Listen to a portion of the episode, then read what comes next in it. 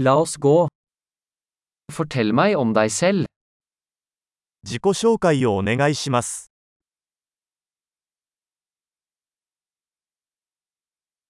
Jeg ser på livet som leketøysbutikken min.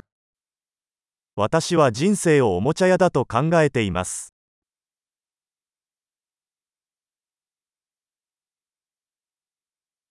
Bedre å be om tillatelse enn om tilgivelse. 許すよりも許可を求める方が良いです。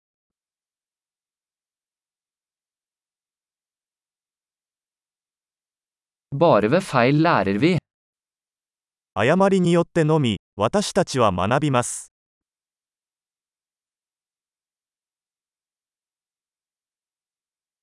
Og ved observasjon, feil og observasjon, observer mer. そして観察によって、エラーと観察、もっと観察してください。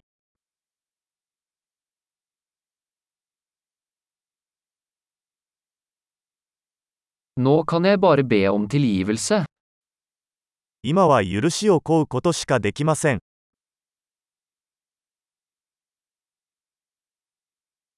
Hvordan vi føler om noe bestemmes ofte av historien vi forteller oss selv om det.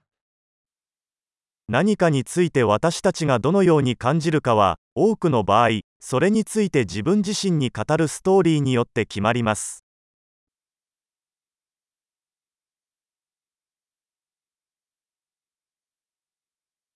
Historien folk forteller oss om seg selv, forteller oss lite om hvem de er, og mye om hvem de vil at vi skal tro at de er.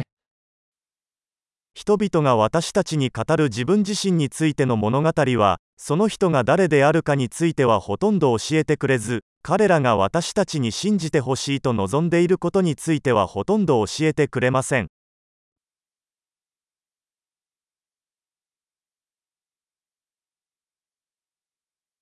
Er.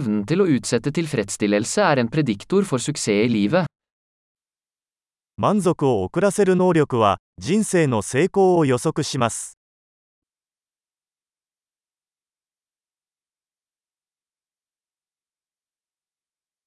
Jeg legger igjen den siste biten av noe velsmakende for å få fremtiden meg til å elske nå meg. 未来の私を今の私に好きになってもらうために、美味しいものを最後に一口残しておきます。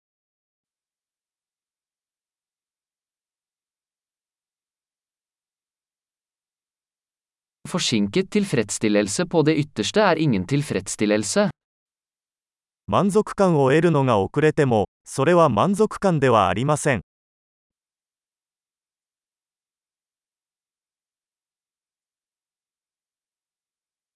Hvis du ikke kan være fornøyd med en kaffe, så kan du ikke være fornøyd med en yacht.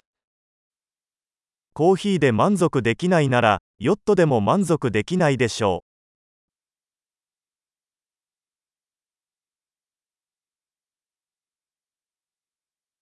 Den første regelen for å vinne spillet er å slutte å flytte målstolpene. う。試合に勝つための最初のルールは、ゴールポストの動きを止めることです。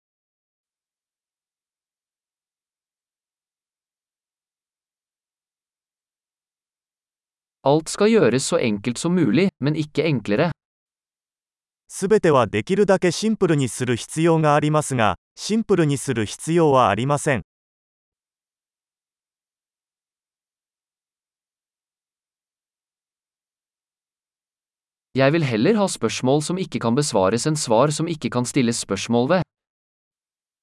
私は質問できない答えよりも答えられない質問の方がいいです。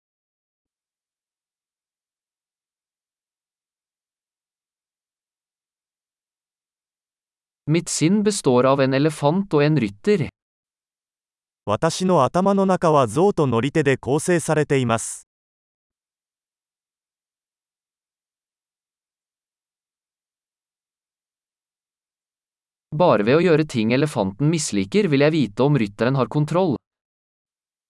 象が嫌がることをすることによってのみ象がコントロールしているかどうかが分かります。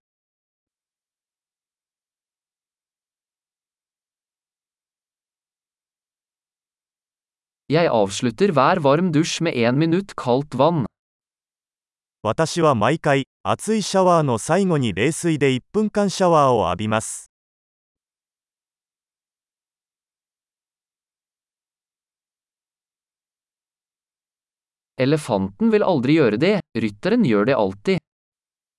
ゾウは決してそうしたくありませんが、乗り手は常にそうします。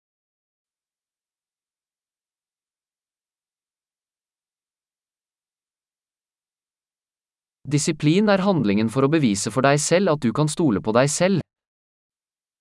規律とは、自分を信頼できることを自分に証明する行為です。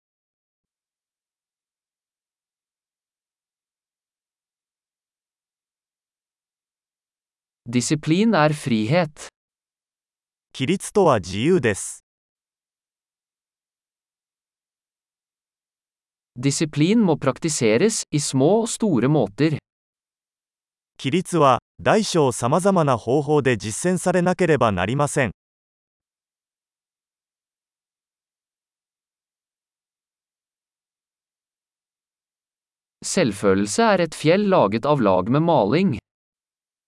自尊心は絵の具を何層にも重ねてできた山です。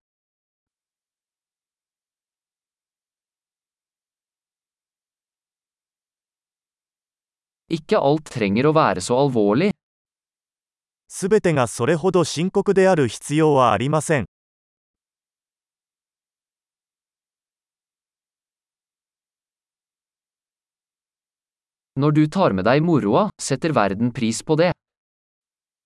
あなたが楽しいことをもたらすと、世界はそれを高く評価します。